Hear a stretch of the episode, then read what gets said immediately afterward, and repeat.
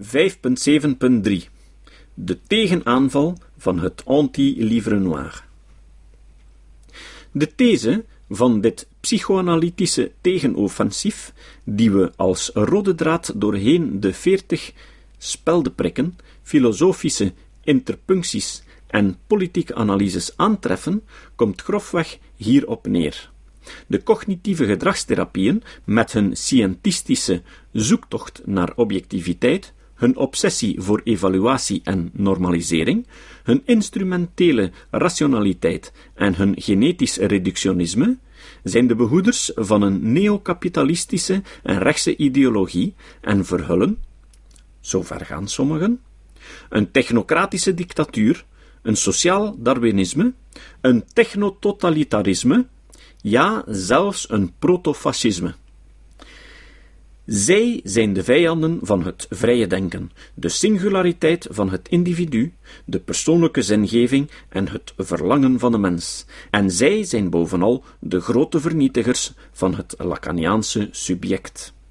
Waardoor de psychoanalyse in barre kapitalistische strijden het enige toevluchtsoord vormt. Een kleine groep uit het gediversifieerde aanbod. Le technototalitarisme, moderne, utopie ravangeant, humanité est scientiste, comportementaliste, cybernétique. Il associe les techniques du management, des TCC et de la religion New Age pour déprécier et éliminer ses adversaires.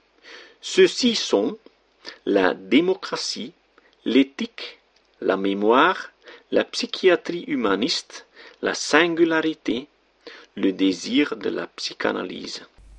En verder? Le capitalisme néolibéral contemporain impose désormais des figures du managérialisme dans l'ensemble des relations sociales. Rationalité instrumentale et efficience des dispositifs, gestion en autocontrôle, évaluation automatisée et standardisée, fascination pour le mesurage et sacralisation des chiffres font désormais partie du langue courant. En verder nog? Les TCC sont l'arbre qui cache la forêt, la forêt de l'inconscient, de la répétition, de la pulsion et du transfert derrière l'arbre minuscule d'un trouble qui n'a plus le droit de faire signe d'un sujet dans son rapport à l'objet. En verder nog? Il Het paradigma van het INSERM-rapport. Postule la cause génétique des symptômes ou non du progrès des neurosciences, de la génétique et de la biologie. Il s'agit d'un néo-darwinisme social car il affirme l'inégalité des races. Ruwweg volgen de verschillende virulente aanvallen op de CGT en aanverwanten het onderstaande stappenplan. Aanval op de psychoanalyse afdoen als een samenzwering van de CGT. De verborgen ideologische agenda van de CGT blootleggen, haakjes open, zie het scheldregister hierboven, haakjes dicht, of aantonen welke desastreuze gevolgen de CGT inhouden voor mens en maatschappij.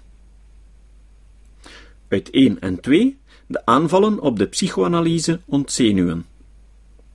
In contrast met het geschetste schrikbeeld van de CGT, het heilzame alternatief van de psychoanalyse onderstrepen. In navolging van Mullers leuze in het voorwoord L'anti-livre noir ne défend pas, il attaque. is het in regel de bedoeling van de Lacanianen om de CGT verdacht te maken. Hoewel dit in sommige teksten zonder meer als doel naar voren wordt geschoven, nemen de meeste bijdragen aan het anti-zwartboek wel de aanvallen op de eigen psychoanalyse als uitgangspunt. De bedoeling is dan om deze kritieken te discrediteren door ze als een samenzwering van de cognitieve gedragstherapeuten af te doen en vervolgens aan te tonen hoe levensbedreigend of totalitair of scientistisch de theorie van de laatsten is. De drogredenering in deze strategie is evident. Zelfs al zou het nog mogelijk zijn om één of meerdere van bovenstaande beschuldigingen aan het adres van de CGT hard te maken, wat overigens niet het geval is, en zelfs al zou het zo zijn dat de aanvallen in het Livre Noir enkel uit deze hoek komen, wat eveneens zeer twijfelachtig is, dan is daarmee de kritiek op de psychoanalyse nog niet ontzenuwd. Een sluitend logisch argument om een empirisch bewijs blijft immers geldig, ongeacht de ideologie of persoonlijke overtuiging van wie ze in de mond neemt. Zouden we de relativiteitstheorie van Einstein verwerpen, mochten er plots aanwijzingen opduiken dat de man destijds meehulde met de nazi's?